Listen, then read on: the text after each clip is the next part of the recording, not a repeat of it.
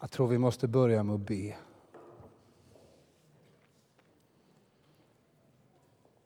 Gud, jag ber att du ska låta det som är från dig få lyfta, få fästa sig på oss, få liksom bli något som vi inte blir av med utan som påverkar våra liv. Och låt allt annat som inte är från dig bara få glömmas bort och falla bort ifrån våra liv. Amen. Vad skulle Jesus säga till en ateist? Jag måste börja med att säga att jag tyckte att det var jättesvårt att förbereda. Eh, bara så ni vet det. Men vi kör ändå. Eh, allt ska inte vara lätt, såklart. Jag träffade en man vid Jesusbussen en gång under hösten här. Vi har ju ett eh, mobilt café kan man säga som vi under eh, helgerna har ute på stan i olika sammanhang. Eh, I stort sett varje lördag men också en del fredagar. Och den här fredagskvällen så mötte jag en man som faktiskt kallade sig just ateist. Och vi stod och pratade en stund och han hade verkligen sökt och funderat kring det här med Gud, det här med eh, liksom ett liv som man kanske inte känner till eller som man inte kan ta på, något slags övernaturligt. Liksom. Och han hade gjort, gjort sin läxa väldigt väl.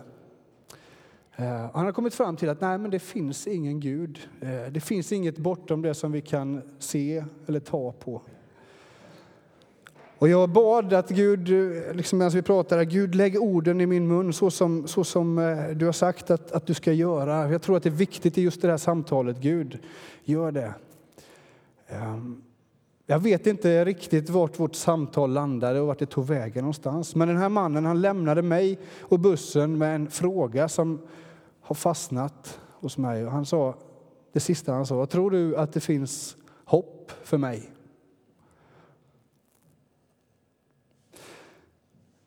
Även om frågan idag är vad Jesus skulle säga till en ateist så är det ju oftast vi som hamnar med den där bollen. Hur gärna vi än vill att Jesus ska ta den. Nej, men, ja, Jesus, du får svara på det här. Liksom man vill skicka fram någon annan i det där läget. Så var det när jag var barn och man skulle gå någonstans. Man hade med sig mamma eller pappa och man kanske skulle, jag vet inte om man skulle handla något eller fråga någonting. Så, Nej men pappa, du går fram, kan inte du fråga? Jag vågar inte riktigt ja, till slut så slutade ju pappa att, att, ta den här bollen och så fick fick man gå fram och så fick man börja ja, prata, vad det nu än gällde. Liksom. Men, och vi vill ju gärna göra så med Jesus också, särskilt i det här läget när det gäller att prata om våran tro. Ja, men Jesus, kan inte du bara säga något istället? Men vi har ju fått förtroendet av honom att vara hans språkrör i den här världen. Och Sprida information, det är ju ett, ett väldigt modernt ord. Men, men budskapet om Jesus, sprida informationen om honom till andra människor. Men vad skulle Jesus säga och vad ska du och jag säga till en ateist? Någon som, som verkligen har tänkt på det här och funderat. För jag tänker att en ateist som, som jag talar om idag, det är någon som, som har läst på och som är ganska medveten i sitt beslut. Det finns ju saker som Jesus skulle både, både risa och rosa, eller hissa och dissa, säger man ibland, eh, hos eh, en ateist. Jag ska nämna ett par stycken utav det. Jag tror att det finns en del saker som vi kan lära oss av en ateist, faktiskt. Det som finns kvar när man, när man räknar bort allt det här som har med Gud att göra och någon slags dimension som vi inte riktigt kan, kan förstå med våra fem sinnen, det är ju människan och liksom det som vi kan, kan se och ta på. Det blir ju liksom att det enda vi har att hoppas på det är människans egen förmåga. Det finns liksom ingen annan kraft att ta till. Och vi råder själva över våra liv. Det finns ingen annan som står till vår hjälp. Och som ateist så står ju mänskligheten helt ensam när det gäller livet och ansvaret för livet och hur det ska liksom handskas med. Och man hamnar liksom i egen kraft att uppehålla livet på den här jorden.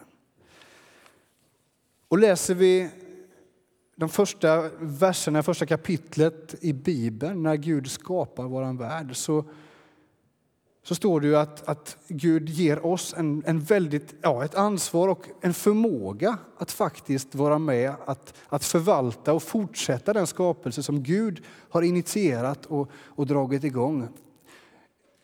Gud är tydlig med att vi är medarbetare. Det är en ganska hög syn på människan, lika väl som en ateist verkar ha en ganska hög syn på människan. Alltså man, man, människan har en stor potential. Jag tror att Jesus skulle, skulle uppmuntra ateisten i det, att, att faktiskt tron på människan är väldigt hög. Och det är samma sak för Gud. Gud har väldigt stor tro på oss människor. Han har, han har lämnat ett, ett ansvar till oss att vara med och förvalta och forma, fortsätta skapandet av den här jorden. Jag tror att Jesus skulle lyfta fram det som något positivt i en, ateistisk syn. Att människan får ganska stor plats, stort värde.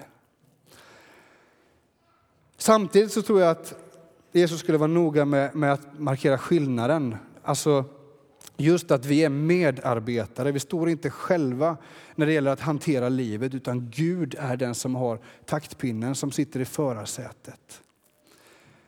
Och Även om Gud, Jesus skulle bekräfta den här höga människosynen så skulle han också höja ett varningens finger. För vad kan hända när människan får för stort utrymme, får för stor plats liksom, eh, i livet? När Gud är ute ur ekvationen så, så sätter man sig själv i förarsätet för livet. Alltså, vi hamnar någonstans i människans ur synd eller problem. Liksom. Att man, man väljer att inte böja sig inför den som är större. Alltså man väljer bort Gud ur sitt liv. Och det är ju inte bara, bara eh, ateistens hållning egentligen, utan det är hela mänskligheten. Även om man kanske eh, vacklar i sin tro, eller kanske till och med om man, om man eh, försöker att vara en hängiven lärjunge, så är det ju det som är vårt problem. Att faktiskt böja oss inför Gud och låta Gud vara Gud och människa vara människa. Vi vill väldigt gärna ta taktpinnen och, och vara herre över vårt eget liv. Jag tror att Jesus skulle, skulle trycka på det hos en ateist. Vem är vem egentligen? Kanske skulle han säga någonting i stil med som, han, som Gud säger till Jobb. En del av er känner igen den berättelsen. Jag, jag tar inte hela den nu. Och, men om du är ovan vid att läsa Bibeln så, så läs Jobs bok. Eh, så får du någon slags... Ja, det kanske inte är där du ska börja om du är ovan att läsa Bibeln. Det här blir jättekonstigt. Men Jobb han får utstå väldigt mycket lidande, och smärta och elände och det finns mycket frågetecken i det. Eh, och när Gud äntligen visar sig för Jobb så, så är det inte för att svara på alla hans frågor om lidande och nöd, utan det är faktiskt för att ställa frågor till Jobb. Jag har massa frågor till Gud. Varför, varför, varför?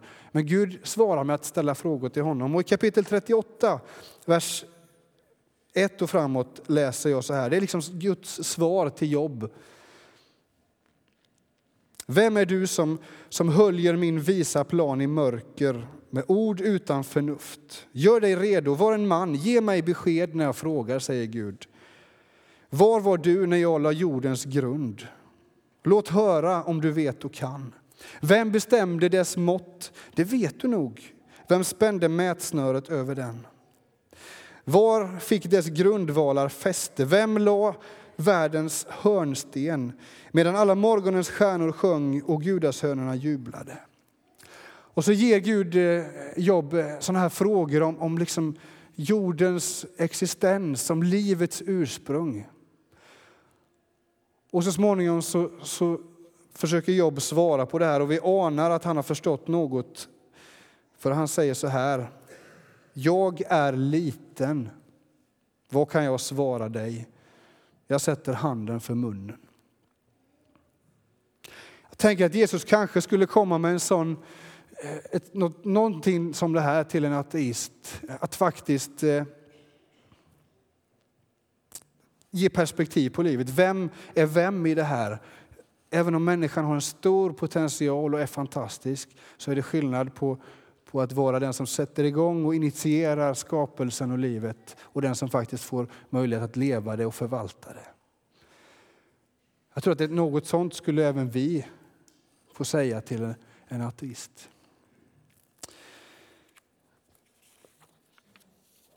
Det som slog mig, som jag sa när jag stod där i samtalet, det var att den här mannen han är väldigt påläst. Han har goda argument för sin tro och för sin övertygelse. Eh, han är påläst både när det gäller kristen tro men också, också sitt eget ställningstagande. Jag tror att Jesus skulle uppmuntra även detta. Han skulle säga det är jättebra att du har läst på, du har, du har verkligen grävt och försökt. Och det, det, det vill jag uppmuntra dig i. Du har gjort, du har liksom gjort en slags läxa och du har kommit fram till ett ställningstagande. Eh, jag tror Jesus uppskattar när vi inte bara gör som alla andra, inte bara ah, men jag, man höftar lite och, och, och liksom hamnar någonstans utan att göra det eh, särskilt genomtänkt eller medvetet. Jag tror att Jesus skulle uppmuntra ateisten och säga att det är bra, du har gjort, gjort liksom ett gott, liksom ett välgrundat val, ett, ett bra beslut.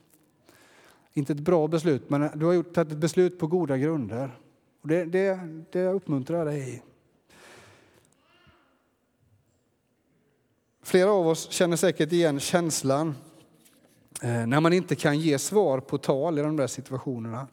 Eller ens efter en stunds eftertanke komma med det där liksom dräpande argumentet som får honom eller henne att faktiskt, ja just det. Alltså att man, man lyckas på något sätt med goda argument och kunskap övertyga eller överbevisa, eh, i det här fallet då kanske en ateist. Det är väldigt sällan som det händer, upplever jag. Och det, jag tycker att det är sällan som Gud lägger orden i min mun just när jag behöver dem. Eh, tyvärr, men ibland händer det. Ibland händer det. Och man kan känna sig ganska, det känns ju rätt jobbigt att inte kunna ha svar på tal. Så är det ju. Men vi förstår att det är ganska viktigt med argument och eh, logiska resonemang, resonemang för en ateist. Och jag tror att vi som kyrka skulle behöva lära oss mer om detta. Att kunna sätta ord på vår tro och argumentera för vår tro. Även om vi vet att det främst inte handlar om att vinna en debatt eller vinna en diskussion så tror jag att, att vi nästan är skyldiga det mot någon som, som har gjort, en god, gjort sin läxa liksom och är påläst i sitt, i sitt val, i sitt ställningstagande. Vi är också skyldiga att faktiskt vara pålästa och veta vad det är vi tror på. Paulus, och Petrus och de andra i, i, i Bibeln är ju tydliga med att det faktiskt är viktigt. I Kolosserbrevet kapitel 4 kan vi läsa så här. Visa klokhet i umgänget med de utomstående och ta väl vara på tiden. Lägg alltid era ord väl och ge dem sälta. Ni måste veta hur ni ska svara var och en en uppmuntran till, till församlingen i Kolossai. Eh, Petrusbrevet kan vi läsa något liknande, det finns många, det är bara ett exempel här. Första Petrus kapitel 3, vers 13. Vem kan göra er något ont om ni arbetar för det goda? Om ni också får lida för rättfärdighetens skull är ni saliga. Var inte rädda, låt dem inte skrämma er. Men Herren, Kristus, ska ni hålla helig i era hjärtan och var alltid beredda att svara var och en som kräver besked om ert hopp. Men gör det, med, gör det ödmjukt och respektfullt i medvetande om er goda sak, fortsätter han. Alltså, det är viktigt att vi vet vem vi tror på och vad vi tror om honom.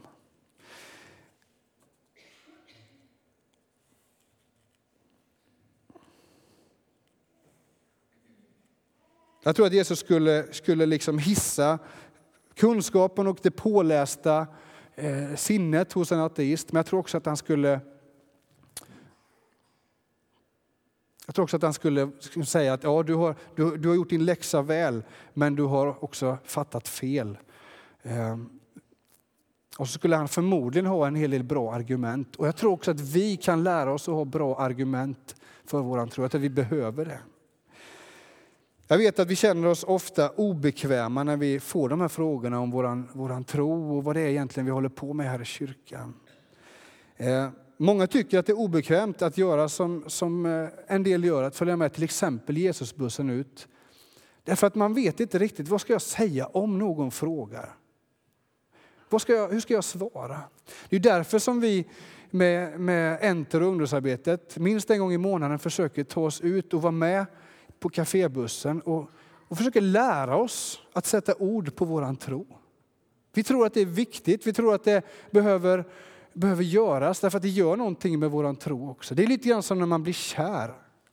Jag vet inte hur många av er som har varit kära eller är kära. Vi gör en handuppräckning. Jag är kär. Jag behöver inte berätta vem ni är kära i, men det är bra. Det finns... Det hade varit kul om alla skulle ropa vem de är kär i. Det hade varit jättehäftigt. Men ni vet hur det är när, det drabbar en. Liksom man ser den här fantastiska personen och det börjar hända någonting i en. Liksom, och, och, och det kan ju märkas på en runt omkring att, att man är kär, även innan man har sagt det. Men det är ju först när du börjar berätta det här för en kompis. Du, jag tror att jag har gått och blivit kär. Jaså, i vem då? Ja, men det är den och den. Vet du. Oj! Ja, det har hållit på länge, men jag har inte vågat säga något. Och ni vet ju vad det är som händer när man, när man har uttalat det här. Då blir det ju på allvar, då blir det ju på riktigt. Då kan man liksom inte längre dra sig undan, då, har man liksom, då är bollen i rullning. Och då det blir mest verkligt och det står, som, då, som det står mest på spel, det är när man ska säga det till den som det gäller. Det är ju riktigt, då är man ju, då är man ju jätte, då är det ju liksom jättejobbigt. Tänk om det inte är besvarat. Men det som händer när man börjar sätta ord på saker och ting, det är ju att och framförallt det där, om man är kär, det är ju att, att kärleken inte bara hamnar i hjärtat i någon slags känslosammanhang utan också upp i någon slags Eh, medvetenhet i hjärnan också. Alltså man blir kär både i hjärta och hjärna. Och jag tror att det är likadant med vår tro. Att vi behöver tro både med vår hjärna, alltså vi behöver en viss kunskap, likaväl som vi har tro i vårt hjärta. Jag, jag får för mig att vi kanske har varit i hjärtats dike lite för länge. Alltså känslor, eh, ja, men bara det känns gott, det är fantastiskt med Jesus. Men vi, vi kanske har liksom gjort det på bekostnad av, av eh, vår hjärna. Vi behöver tro med både hjärta och hjärna. Det tror vi att vi, vi hjälper varandra med när vi, när vi till exempel eh, är med i Jesusbussen och sätter oss i situationer då vi tvingas att sätta ord på vår tro.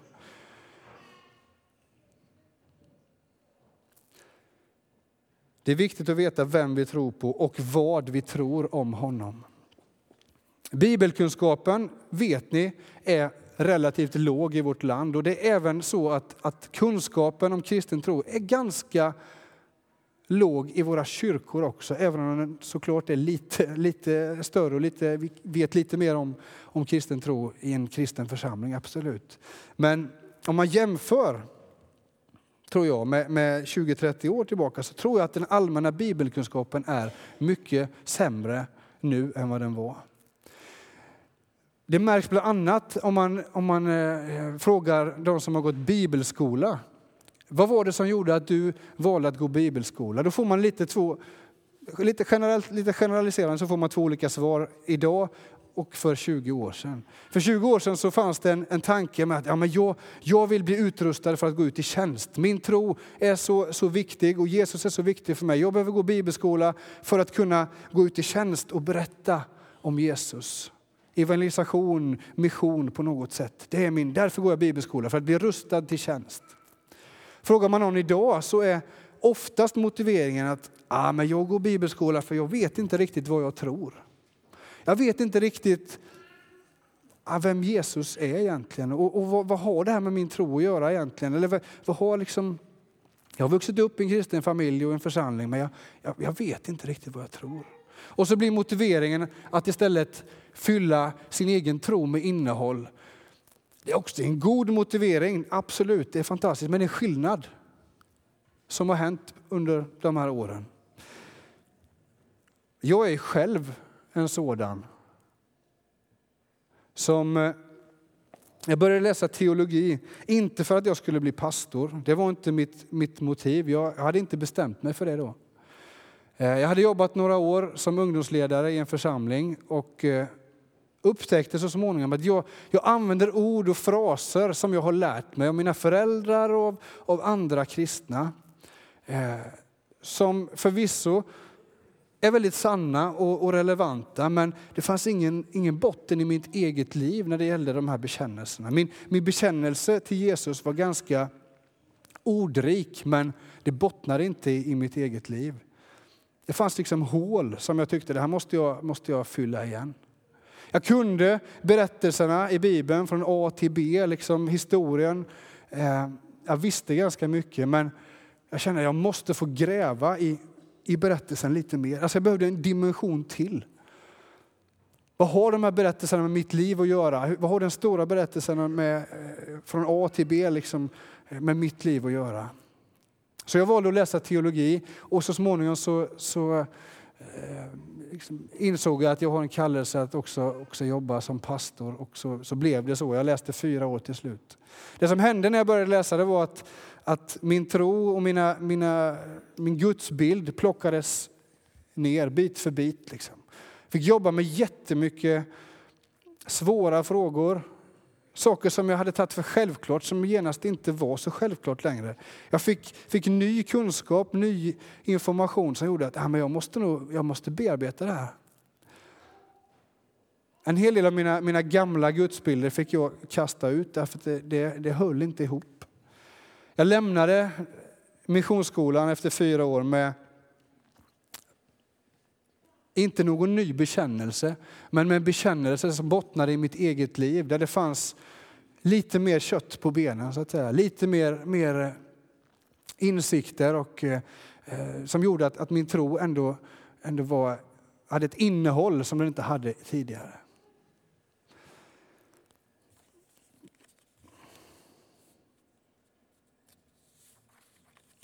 Jag tror att det är viktigt att som lärjunge låta sig formas hela livet. En del av er känner till författaren Karl-Henrik Jaktlund. Han funderar mycket kring det här vad som hände med 70 och 80-talets stora, 70 80-talisternas stora ungdomsgrupper. Jag är själv i del av den, eh, den, de eh, årgångarna. I min hemförsamling så kunde vi vara 100-120 stycken på våra ungdomssamlingar. Människor eh, bekände sin tro till Jesus. Det var, det var fantastiskt. Av dem kan jag räkna kanske på en, möjligtvis två händer, vilka som idag är kvar i församling, eh, som är bekännande, aktiva kristna. Vad var det som hände? Frågar Karl-Henrik i en av sina böcker. Han sammanfattar någon slags tes på det här sättet. Häng med nu. För det handlar om att man tror inte längre att man tror därför att man inte tror som man trodde förut. Är ni med? Man tror inte längre att man tror därför att man inte tror som man trodde förut.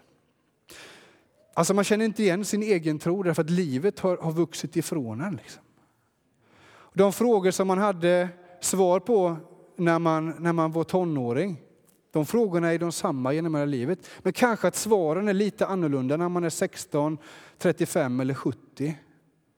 Svaren behöver liksom inte vara mindre sanna, men de är lite olika. Det är viktigt att låta tron växa med livet. Och det tror jag den gör om vi lär oss att sätta ord på vår tro. Om vi sätter oss i situationer där vi måste faktiskt formulera en egen trosbekännelse. Det är inte bara med Jesusbussen som man kan få möta sådana här frågor, utan det det vet ju ni som är föräldrar också, det finns ju ännu värre situationer. Det är ju när ens egna barn börjar ställa de här frågorna. Vad menas med att man är kristen? Varför finns det så mycket ont i världen? Varför behövde mormor dö? Är mormor hos Gud nu? Gjorde det ont på Jesus när de spikade honom på korset? Varför eh, fick Salomo ha tusen fruar och du bara en fru, pappa? Eh, De svåraste frågorna ställer barn, tror jag. Och det känns ju ibland väldigt jobbigt att inte kunna svara på barnens frågor. Här har man haft en kristen bekännelse, man blir förälder. Kanske att tron rent, rent kunskapsmässigt och, och även bekännelsemässigt inte riktigt får följa med till det att man blir förälder. Och genast så, så kommer de här frågorna väldigt nära. Jag tänker att det, det klarar man, lär man sig att, att prata om sin tro och berätta om sin tro för sina barn, då är man också ganska rustad att prata med en ateist. Såklart att det finns skillnader, men det finns också en del likheter.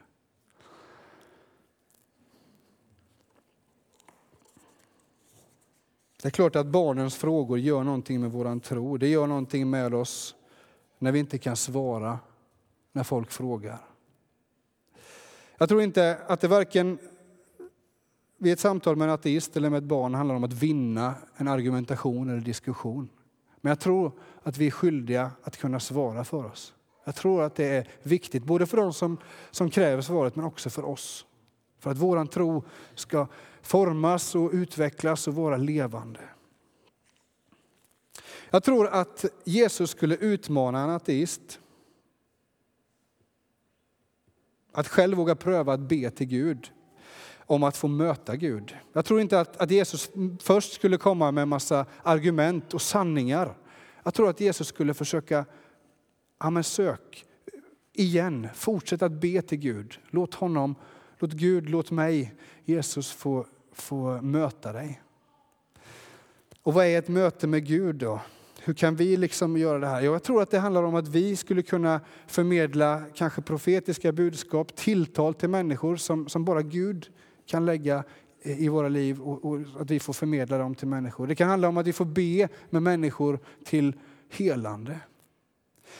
Vi ska försöka se en liten kort filmklipp här, för att se om det går. Det är, tekniken är ju inte alltid med oss.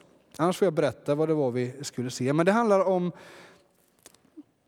att faktiskt vara frimodig, att, att få människor att, eh, att möta Gud. Och, eh, det finns en del sådana här filmer på Youtube nu. Eh, street healing, alltså helande på gatan. Och det här är hämtat från Örebro, en del av er känner igen det. De här som vi möter just här, jag har ingen aning, jag tror inte att de skulle kalla sig ateister. Det är några unga tjejer som är på stan och så är det ett team som är ute och bara stannar människor och frågar, hej, har du ont någonstans? Är du sjuk eller sådär? Och är de det så, så frågar de om de får be för dem. Väldigt odramatiskt, eh, men det blir ganska häftiga reaktioner därför att Gud gör någonting med de här människorna. Vi får se om vi kan se det här.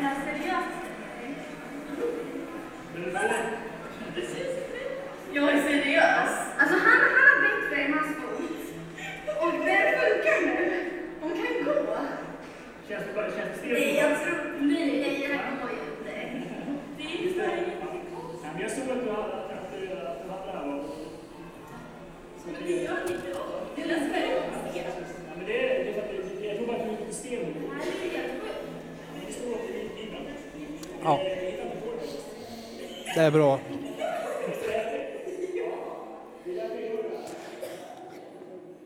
Kanon, tack. Ett, ett litet exempel på att Gud faktiskt kan, kan ge en, en upplevelse, en erfarenhet som kan öppna upp till att man faktiskt når fram med de argument och de, den kunskap som man har. Men jag tror inte eller jag tror att, att, att det är en väg att gå, att faktiskt låta Gud ta första steget. Särskilt när det gäller det här, de här svåra argumentationerna. Det finns mycket uppmuntrande, mycket roliga sådana här, såna här Ja, de är roliga därför att folk blir så tagna av att Gud faktiskt gör någonting där. Mitt på stan, de har gått och shoppat hela dagen och så har de ont i ryggen och så kommer det någon och, och ber för dem. Och, och Gud gör någonting. Seriöst, är det på riktigt? Liksom. Ni hörde ju. Ja, det är på riktigt. Och så får man, de får en kort, kort stund får de berätta om, att vi tror, vi, det här händer därför att vi tror på Jesus. Det här händer i Bibeln och, och vi tror att det är möjligt nu också och därför gör vi det här. Kort sammanfattning så ska vi strax gå in i en stund av lovsång och tillbedjan och bön. Jag tror att Jesus skulle hålla med en ateist om att människan är fantastisk och har en stor potential. Det skulle Jesus hålla med om. Men han skulle också ta itu med positionerna. Vem är det som är vem egentligen? Varför har människan en så stor potential? Jo, därför att Gud ligger bakom existensen. Var var du när jag skapade jorden? Jag tror att Jesus skulle uppskatta och um- uppmuntra en ateist som har fattat ett väl genomtänkt beslut. Alltså att man har läst på, man vet vad det är man, man, man tror, vad det är man har för hållning. Det tror jag att Jesus skulle uppmuntra, det är bra. Jag tror också att Jesus skulle utmana, som jag sa, en ateist att faktiskt våga låta sig utsättas för förbön eller liksom att verkligen eh, be till Gud med ett ärligt och öppet sinne. Synen på människan, det välgrundade beslutet, det tror jag Jesus skulle uppmuntra. Men också att vi har saker och ting att lära oss av det här. Det finns flera utmaningar. Vi behöver också påminna oss om våra positioner. Vem är det som är vem egentligen? Var var du och jag när, när Gud skapade världen? Ja visst, jag fattar. Vi har sjungit lovsånger som har handlat om detta. Gud är större, så mycket större. Det är han som är upphovet till allting. Vi behöver lära oss att sätta ord på vår tro. För vad svarar du när någon frågar? Vi är skyldiga, tror jag, att både tro med hjärna och hjärta. Det finns många sätt att fördjupa sin tro. Det finns erbjudanden här i församlingen, det finns bibelstudier på nätet, det finns liksom, eh, distanskurser i bibelskolor och så vidare. Gör, gör allt vad du kan för att låta din tro utvecklas och, och få botten i ditt eget liv. Jag tror det är viktigt. Jag började med att säga att mannen vid bussen lämnade mig med en fråga. Tror du att det finns hopp för mig? Jag tror att Jesus skulle ha sagt ja, absolut finns det hopp för dig. Det var vad jag sa till honom också. Även om inte han trodde på Gud så tror Gud på honom. Det är klart det finns hopp. Det gör det för oss alla. Lovsångsteamet kan komma fram. Vi ska gå in i, en, en, stund av bön och lovsång. Och, eh, det finns ju möjlighet att röra sig i lokalen. Vi har våran eh, falla på knämatta. Du behöver inte falla på knä, men du kan stå eller sitta framför korset i förundran. Det kan man, man kan inte göra annat framför det här korset. Det är förundran. Det finns möjlighet att få be tillsammans med någon. Det finns förebedjare under trappan åt det hållet. Man kan få skriva någonting till Gud. Det finns på bordet där. Man kan få tända ett ljus i vår ljusbärare. Inga magiska ljus som uppfyller alla våra önskningar. Men ett uttryck, en konkret handling där du får komma till Gud. Jag skulle vilja uppmuntra dig att söka förbön som håller på att tappa tron därför att du inte kan svara på dina barns frågor. Kanske sitter någon ute i, i barnrummet nu. Jag vet att ni, det är möjligt att ni hör genom tvn där ute. Är det så att du eh, sitter där ute och har, har, tycker att de här frågorna är svåra, gör det på något sätt möjligt att komma in och ta del av förbön. Och du som har svårt att svara på frågan varför är du kristen? Har du något annat så får du givetvis komma med det också. Herre, möt oss precis där vi är. Jag ber om det. Amen.